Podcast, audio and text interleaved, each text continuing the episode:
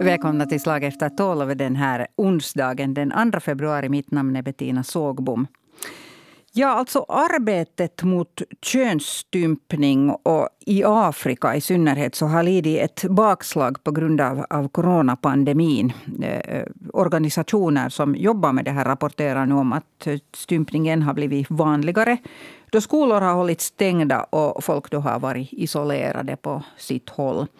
Eh, och också i år så riskerar upp till fyra miljoner flickor drabbas av det här ingreppet. Och, och det där, eh, nu på söndag så, så har vi också en, en sån här internationell dag om detta. Alltså den internationella dagen eh, mot FGM, det vill Female Genital Mutilation, könsstympning eh, på flickor och kvinnor. Eh, Anette Gutoni, verksamhetsledare på World Vision Finland, är här med mig i studion idag. Välkommen. Tack så mycket. Så har jag också Liselott Lindström här, journalist med specialkunskap om Afrika och nyligen faktiskt hemflyttad från Kenya. Välkommen. Tack så mycket. Och med oss på distans från Nairobi eh, i Kenya så har vi Anu Alarantala som leder Finlands utvecklingssamarbete med Kenya där på plats och ställe. Välkommen Anu. Tack så mycket. Det där, jag tänkte börja med, med dig, Anette Gutoni, eftersom som det där World Vision har ju jobbat med det här i många, många år. Att försöka förändra eh, den här urgamla, eller eh, jag vet inte riktigt, jag är alltid snubblar på ord här när jag säger tradition. För att ofta tänker man att tradition är något positivt. Men det här eh, att könsstympa eh, flickor. Eh, berätta för mig nu, alltså, den, den är väldigt långsam har varit den här utvecklingen för att alltså minska på det här och, och, och sprida kunskap. Men det har ändå gått åt rätt håll. Va, vad är det som har hänt nu? Ja, no, vi har ju sysslat med det här i över 20 år. Mm. Och, och, när man ska ändra på kulturella traditioner så tar det alltid en lång tid. Så, så är det bara, de sitter liksom starkt, starkt fast i, i, i, i människors sinnen och tankar. Och, och, och, och de är ju vana och, och det som jag tycker att är liksom kanske viktigast att, att påminna alltid när man diskuterar om könsstympning, att de här människorna som vill hålla fast i den här traditionen, så de vill ju inte illa åt sina barn eller sina flickor. Utan de ser ju de positiva sidorna i det och, och tänker att de vill att de här flickorna ska kunna vara en del av av den traditionen, av den familjen, av, av den, äh, den äh, äh, gemenskapen som de har i de här områdena var de fortsätter med den här stympningen. Och då tar det en väldigt lång tid att bryta och, och liksom få till förståelse att vilka de negativa sidorna där är. Om man tänker hur många gånger jag också har pratat med, med mammor eller, eller farmödrar, mormödrar som har velat hålla fast vid stympning. Hur många gånger de säger det att ja, ja men att att det hör ju till till exempel att alla kvinnor när de har mens så har de jättestarka smärtor. Och, och sen först när man liksom börjar diskutera saken och förklarar så kommer det fram till jaha, att, aj, aj, är det inte så? Ska inte alla ha så här? De liksom kopplar inte ihop de här negativa sidorna med den här traditionen. Och det är det som gör att det tar en så lång tid. Att man på riktigt måste föra den diskussionen och hitta, hitta de lösningarna där man kan hålla fast vid de positiva sidorna. I Kenya till exempel så är kvinnlig könsstympning en del av en tradition att från att vara flicka till att vara, bli kvinna. Lite som vi kanske har konfirmationen här som ett steg till vuxendom. Och då förstår man ju att man vill hålla fast vid liksom den traditionen och då måste man hitta de där lösningarna. Att, att hålla fast vid det positiva men, men slippa den här stympningen som är en grov människorättskränkning. Och, och det som vi ser nu Uh, speciellt då på grund av den här pandemin när skolorna har varit stängda så är ju det att eftersom stympningen oftast har skett under skolloven och, och, och, nu är det liksom ingenting som begränsar att när man kan ha det så har stympningar börjat ske under hela året. Och, och, och, det påverkar också det att skolorna har varit stängda och, och många andra saker så har påverkat familjernas ekonomiska situation. Och då det här eh, ofta relaterats till att flickor blir bortgifta och man, man får någon sorts brudpris eh, också då, då flickan blir bortgift så påverkar det också den ekonomiska situationen. Och många familjer väljer då att, att gå tillbaka till den här traditionen för att försöka hålla hålla fast vid, vid, vid, sin ekonomiska inkomst och kanske då hjälpa andra barn i familjen eller se till att familjen ändå kan leva vidare. Att det är sådana här, sådana här typer saker som kommer fram för tillfället. Varför? Eh, jag tror att många reagerar, och jag själv kände eh, hur det blossar upp en sån här eh, motstånd i mig mot det att du överhuvudtaget använder ett ord som positiv i den här sammanhanget. Alltså du talar om, om... Jag förstår vad du menar. Du menar mm. att själva tradition, en förändringsrit, kan vara mm. positiv i sig. Men, men jag vet inte, jag reagerar så där att, att, att uh, jag vill inte höra det här ordet alls i det här meningen. Vad säger Liselott? No, jag tänker, tänker liksom också precis som, som Anette säger, mm. att det är jätteviktigt att speciellt om man går, åker dit för att försöka motarbeta det här, att man inte kommer med någon käpp och är så här ajabaja, så här får man inte göra, vet ni mm. inte att ni förtrycker era flickor, liksom, då får man ju ingenting gjort, utan det är ju jätteviktigt att man, att man tar i beaktande just att det här är en så fruktansvärt viktig rit för dem, men samtidigt så är det väldigt jag menar Afrika, många länder i Afrika är väldigt patriarkala och det, egentligen så är ju könsstympning ett sätt att förtrycka flickor och förtrycka mm. kvinnor och deras sexualitet. Att jag var själv till exempel i Kisii som är en del av Kenya där det könsstympas mest flickor, eller en, ett, ett av dem där över 80 procent av alla kvinnor är könsstympade. Och där har det traditionellt varit så att kvinnor har, eller att, att man har varit polygam, alltså att män har haft kanske tio fruar. Och då tidigare så var det ett av de enda sätten att hålla kvinnorna trogna så var att könsstympa dem för att då förtryckte man deras sexualitet och hade de inge, det gjorde ont, de ville inte, liksom, ville inte ens ha sex. Och det här är någonting som också har lett till att sex och se, att se sex som någonting positivt är en, en stor tabu och det är också någonting som man måste jobba, att säga liksom att det är jätteokej att njuta i, av att ha mm. sex i ett, i ett förhållande eller i ett äktenskap, att, att det är helt okej. Så det, det, det är så väldigt många olika aspekter man måste tänka på. Mm. Eh, nu kastar jag över bollen dit till Anu Alarantala som, som mm. då är på, deltar från Nairobi Nairobi och, och leder Finlands utvecklingssamarbete med Kenya. Eh, hur, alltså jag, jag, vet att, att ni också har satsat mycket på att, att jobba just mot den här könsstympningen. Hur upplever du att den här mm. pandemin har, har och, liksom påverkat arbetet? Pandemin, jag skulle säga att, att det är både och. Att, eh, som, som eh, sagt här tidigare så har det ju påverkat det negativt och just som Anette beskrev den här situationen att, eh, att när skolorna har varit stängda så har man varit mer utsatt för att, att äh, bli könsstympad. Ähm, och andra saker också, tonårsgraviditeter och, och våld eh, i hemmen eh, överlag. Eh, men sen å andra sidan så har ju den här pandemin också gjort att, eh, att det har liksom blivit på något sätt, eh, det har varit mer eh, uppe i tapeten. Det, det har liksom, folk har blivit mer upplysta om det. Det har varit ganska mycket kampanjer i hela liksom den här pandemiresponsen också om att, eh, att eh, både könsstympning men våld eh, mer generellt också. Eh, att det, det, är en stor fråga. Vi har sett ganska eh, bra så här politisk ledning i Kenya emot det här. Eh, och jag, precis som Anette säger, att det, det, det liksom det tar lång tid att arbeta eh, med sådana här frågor, ändra på attityder, ändra på sådana här vanor och seder som, som finns. Men om man tittar liksom på längre perspektiv i Kenya till exempel, så jag letade upp lite statistik Sen är ju statistik kanske inte alltid helt tillförlitligt, det måste man komma ihåg, men sådana här demografiska hälsostudier som görs här med jämna mellanrum och det är faktiskt en som just är, är på gång så vi får nya siffror alldeles snart, men eh, de ser senaste siffrorna är från 2014 och då eh, eh, har man tittat på flickor och kvinnor i åldrarna 15 till 49 och då har 21 procent eh, eh blivit könsstympade. Men om man tittar då på tidigare studier, om man går tillbaka i tiden till eh, 1998, alltså vad pratar vi, 34 år, så var det eh, 38 procent.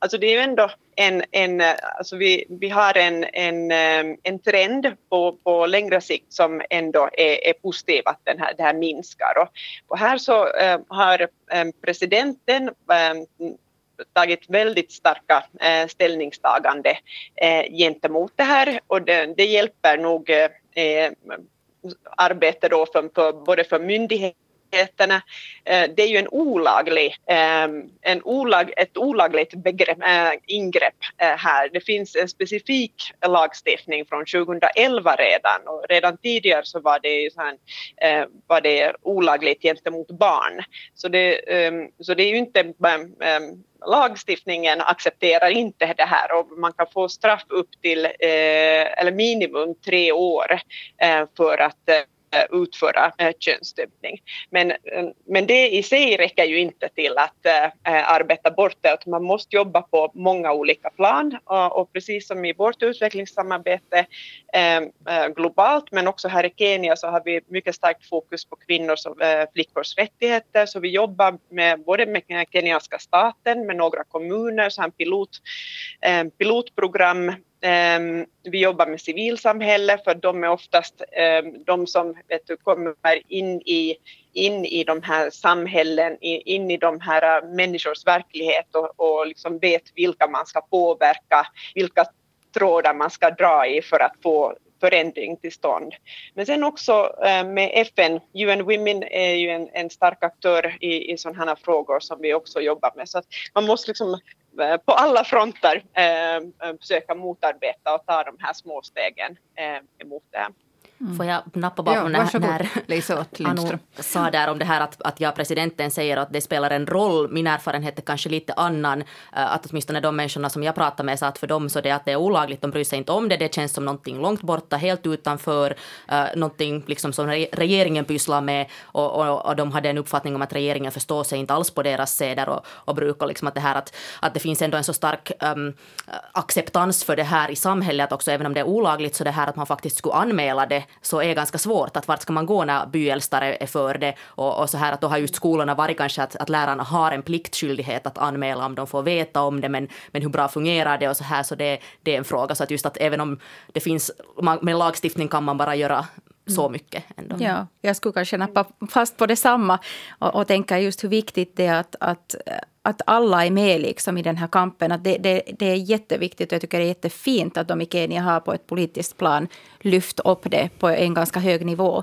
Men speciellt de områdena var vi också jobbar där, där ungefär 90 procent, över 90 procent av kvinnor stympas. Mm. Så de, de, det är liksom så långt ute i landsbygden att många av dem är, är, kan inte ens läsa. De har liksom ingen aning om vilken lagstiftning finns. Talar du nu uttryckligen om Kenya? Ja, om Kenya. Kan, kan, du berätta hurdan form av stympning? För att nu finns det många som, som alltid drar upp det här samma, att, att man då talar om, äh, man talar om stympning av alltså pojkar. Ja. Och det, där, det är ju också en människorättsfråga i allra högsta mm. grad. Men, men dock så bör det påpekas att, att det ofta är ett är ännu mycket grövre ingrepp när det gäller flickor. Kan du, kan du berätta, 90 procent av, kvinnor, av flickorna i Kenya, de här områden, hurdan form ja, av stympning? Det område där vi jobbar så är infibulation den, den grövsta formen, där man alltså skär bort alla yttre delarna av könsorganet och syr ihop Alltså, vi, vad räknas som alla yttre? Vi måste nu riktigt skriva det här. På, alltså riktigt på riktigt, jo, så att folk jo, jo. förstår vad det är frågan om. Ja, så då, då tar man bort... Nu är min svenska så dålig mm. på de här termerna, men alltså både stora och, och små blygdläpparna och klitoris skärs bort och, och vad heter det, så syr man ihop. Så att det blir kvar ett litet hål som är ungefär i storleken med änden av en tändsticka. Så med andra ord, alla de här köttiga delarna kommer också jo. bort. Så du, med andra ord så är det bara skinn över och ett hål. Just så. Ja. ja. Jag kan bara inflika att det finns just det här området som jag besökte då förra året. Så, så där så, just Kisi, så där har de den där mildaste formen mm. så att säga av könsstympning och det är ju också ett argument de använder och säger men vi är ju inte lika illa som det här mm. och där alltså skär man bort toppen på klitoris men ingenting annat ja. och därför anser de att det är ju liksom ingenting jämfört med de här andra områdena. Ja, och det, det är ganska viktigt nog att liksom äh, komma ihåg att det finns olika typer och, och, och Världshälsoorganisationen har ju delat in det i, i flera olika typer av stympning. Och det, det här är en diskussion som vi får, får diskutera många gånger att ja, men vi gör ju inte lika illa som dem och det, och det är ju bara lite som vi skär här och det är bara lite som vi gör så här. Och sen när man kanske går in i diskussionen så börjar man märka att ja, men egentligen så är det inte så hemskt stor skillnad äh, på de här olika delarna. Att, att man använder liksom vissa benämningar på olika sätt inom, inom o, olika områden. Och, och sist och slutligen om du, om du faktiskt tittar på vad som sker så är det väldigt lika mm. i, i, slutändan. Och det som jag tycker att man måste komma ihåg att det är, det är liksom klart en människorättskränkning och det är helt klart och, och också utskrivet att, att alla former, oberoende om det bara är liksom en liten prickning eller att man bara blöder lite för att man, man liksom skär till. Så, så allt är en människorättskränkning kränkning och, och allt är förbjudet i internationella lagstiftningen. Jag skulle, Anu Alarantala, jag skulle gärna ge ordet till dig här. För att, att jag menar att, att då, mm. år efter år sitta och föra den här diskussionen. Och, och, jag menar just den här, därför vill jag ha den här ut, ut, noggranna, utförliga beskrivningen av vad det gäller i de här grövsta fallen. Mm. Ja, berätta. Mm. Ja, nej, jag skulle kanske kommentera det att just det här, här Kenya så det är stora regionala skillnader och mm. um, ett område där vi jobbar är Samburu där det är kulturellt då, eh, jag tror det finns uppskattning om att uh, närmare 90 procent, någonstans mellan 80-90 procent nu är könsstympade kvinnor. Men där så um, var det, var det var förra året eller förra, förra året, nu kommer jag inte ihåg exakt, som de här elders, alltså um, de liksom äldre eh, män i, i eh, liksom den här etniska eh, gruppen som gjorde en sån här deklaration gentemot det här eh, könsstympning eh, som sågs som en sån här stor vinst och, och vet du, presidenten, eh, okej okay, Liselott säger att det där är ofta sånt som polit, politiska beslut och sånt här är, är sånt som är långt borta från verkligheten men i, i alla fall då då tog han sig eh, bemödan att åka till Samburu och det, liksom upp, eh, det, det, fick mycket eh, uppmärksamhet. Och när vi har besökt där Samburu så i alla fall sånt här verkar ha haft någon, någon eh, eh inflytande över män, människor och kanske mer sen, eh, det är ju många gånger så är vissa sådana här väldigt, eh, när man är ute på landsbygden, eh, när man jobbar med, med folk som är liksom, så här, vad säger man, pastoralister, sådana här herdefolk, så är det hemskt svårt att liksom nå människor. Men det är som att hur de här liksom äldre hade ändrat sin attityd, så där har man jobbat mycket med att man har helt konkret visat på video. Man har satt de här männen att titta på video, att vad det innebär att eh, bli könsstympad. Eh, man har filmat då när flickor har, eh, jag vet inte hur etiskt det är att, att göra det, men i vilket fall så här filmmaterial har, har funnits som man har använt det, eh, som i, i sån här eh, föränd ja, attitydförändringsarbete. Och sen har de då, jag har sett någon sån klipp när de har eh, filmat de här männens reaktion och de har blivit helt chockade när de har fattat att vilket sorts ingrepp det faktiskt är. Och, och män som inte alls velat ens, eh, ens se, se klart det där. Och, och där man, att man måste, det här just att vilka metoder man kan använda för att eh, få människor att ändra Eh, ändra attityder eh, måste man liksom använda ganska mycket eh, så här innovativt tänkande.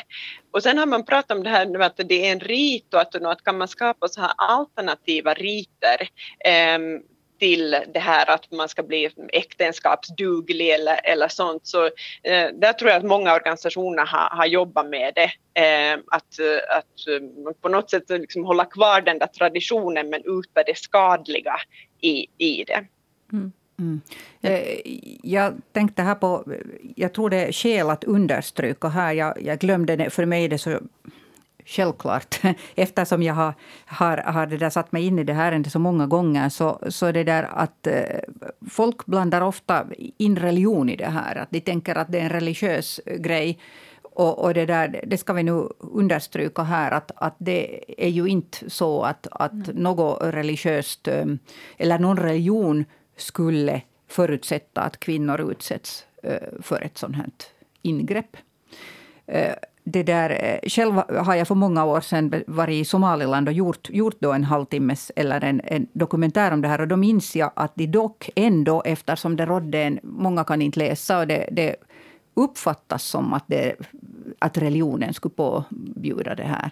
Så, så då använder man till exempel imamer för att besöka byar och sånt och säga att, att uh, Gud vill inte att att det här ingreppet... Och det, det sades där då att det alltid hade ganska goda resultat. Mm. Och Kenya är ju inte ens ett muslimskt land heller, så att, att det där Men, men också i Kenya just alltså ja. är, är ju religionen styr ju moral väldigt mycket. Exakt, ja. Så att, mm. att försöka via religiösa ledare komma åt så kan vara ett, ett väldigt effektivt sätt. Jag har faktiskt själv gjort en dokumentär om hur man försöker ändra attityder gentemot sexuella minoriteter just genom att, genom att prata och försöka få, få religiösa ledare omvänt liksom till att, att börja säga att det inte finns någonting som är emot det här. Mm. Mm. Jag, vet, jag vet ju vad folk ofta tänker. Eh, alltså, du behöver bara läsa kommentarsfält under, under sådana här. Så det ena är att varför ska Finland överhuvudtaget ha något utvecklingssamarbete med ett land där man håller på och gör sådana bestialiska ingrepp? Att, att inte ge något fyrk åt dem. Jag, jag ser nu helt burdust så som det står i många. Då kanske jag borde kasta den frågan till Alu, Anu Alarantala. Eh, den här kommentaren så har jag snubblat över mycket här. Mm.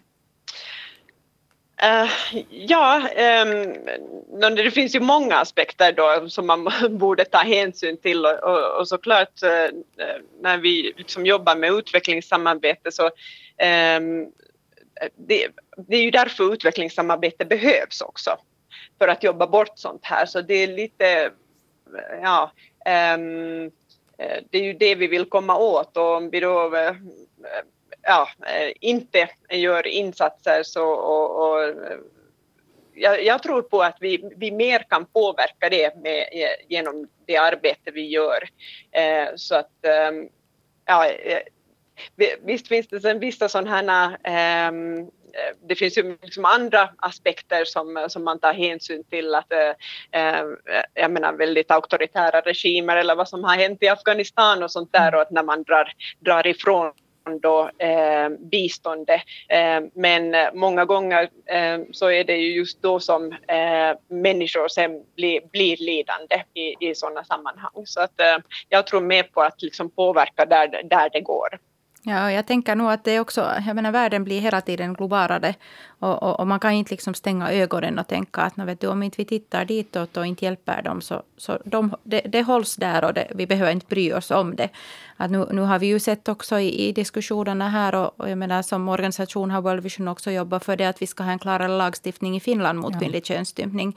Att oberoende vad det är för, för traditioner eller, eller konflikter eller, eller vad som än händer så i den här globala världen så kan vi inte liksom stänga ögonen och, och leka att allt, allt är bra bara vi, vi har det liksom okej okay här i Finland. För de där eftersvallen kommer nog förr eller senare och, och på olika sätt. Och, och, att vi, vi måste verkligen liksom tänka på det att vi, vi jobbar för att alla i världen har, har, har det bra.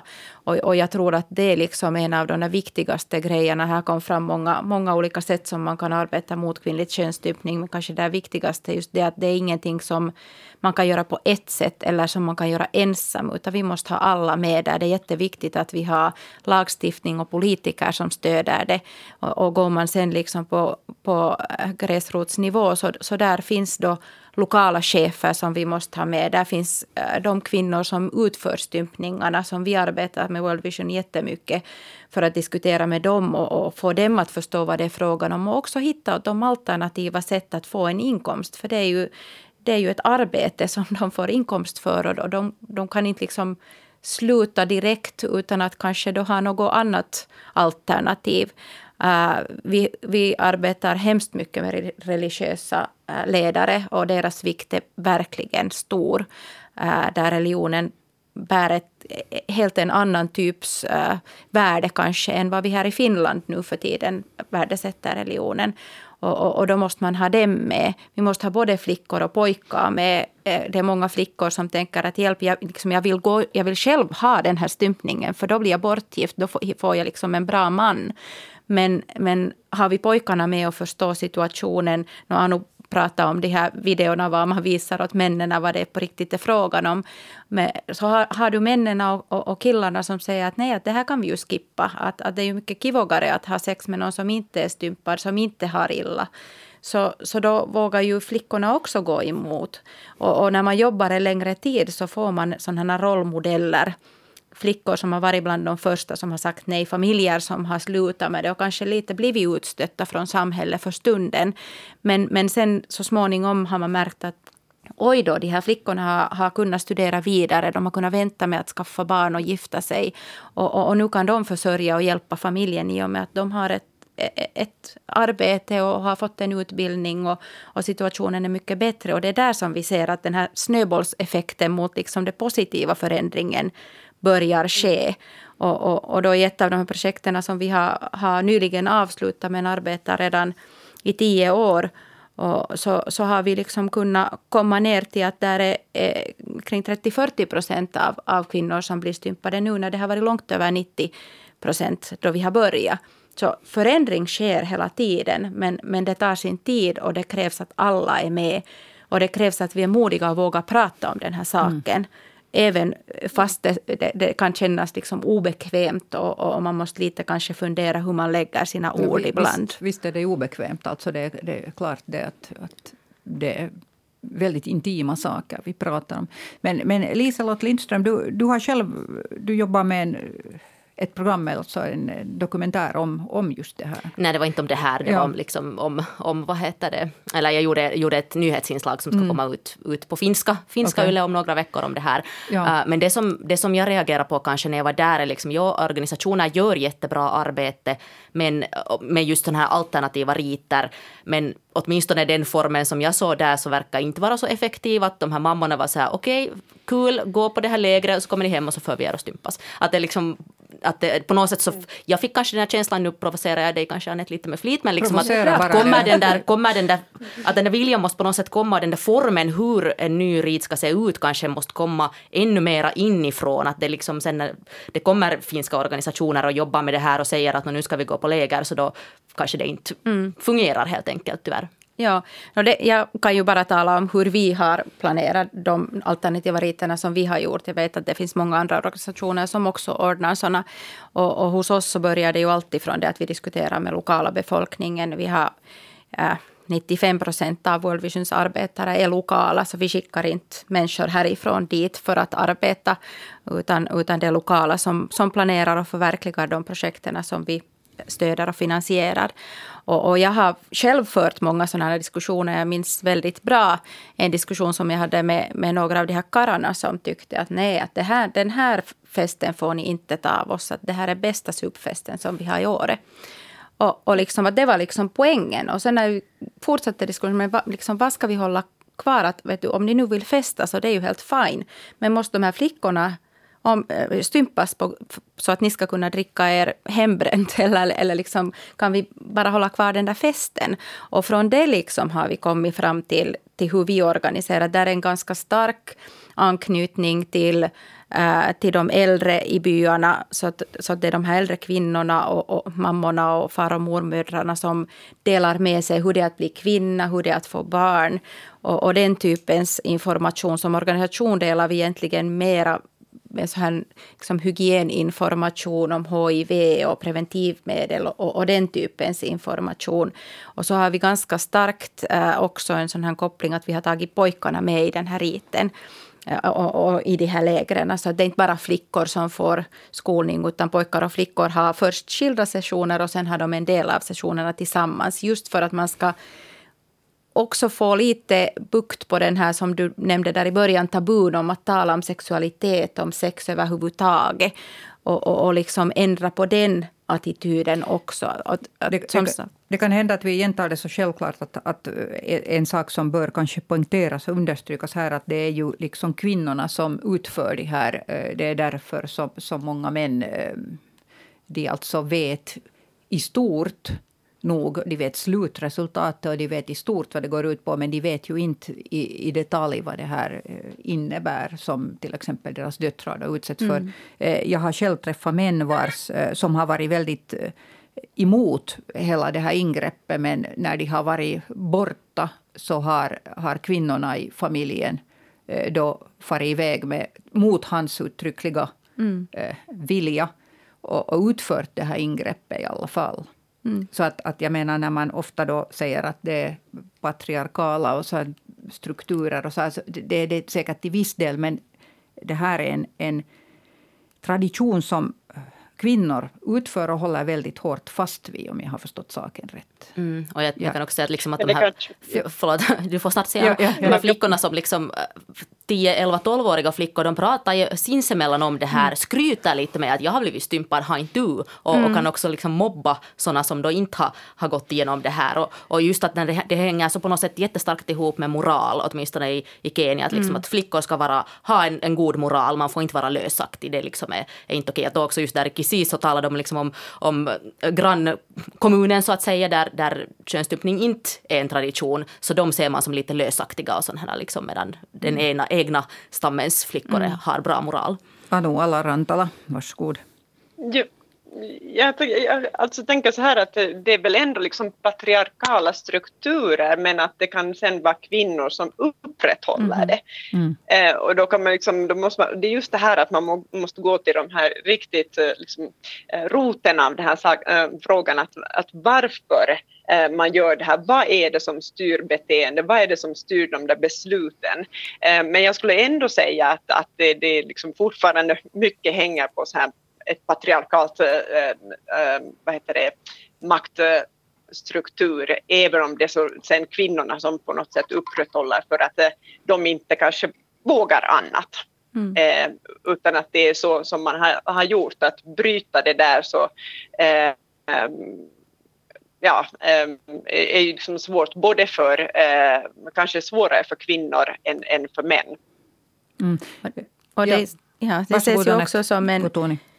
Eh, eller, eller många kvinnor, mammor, tänker att det är liksom ett sätt att, att få en bra framtid för de här flickorna. Att, att om man bor i ett samhälle där flickan kanske inte har så hemskt mycket alternativ en, liksom då hoppas man att hon blir bortgift till en rik och bra man och, och, och då är liksom könsstympningen vägen dit. Att om man inte riktigt ser ännu det där alternativet med att man kanske kan äh, få en högre utbildning och, och liksom den vägen äh, få ett bättre liv utan, utan tänker att det här är det alternativet, det här är den vägen som en kvinna ska gå som ju nog är patriarkalt tankesätt, men, men det är liksom så starkt inrotat. Så, så då är det ju de här kvinnorna som, som sen håller fast vid det för att de tänker att ja, men jag ska ge det bästa jag kan åt min dotter. Och då, då liksom vill jag föra henne genom den här stympningen, kanske möjligast tidigt även för att då kunna bli bortgift i en god ålder och, och, och få en bättre man än, än kanske i ett senare skede. Att det, det just som man nog säger, de här är liksom väldigt starkt kopplade till varandra och man kan inte riktigt eh, säga att det är si eller så, utan, utan det liksom...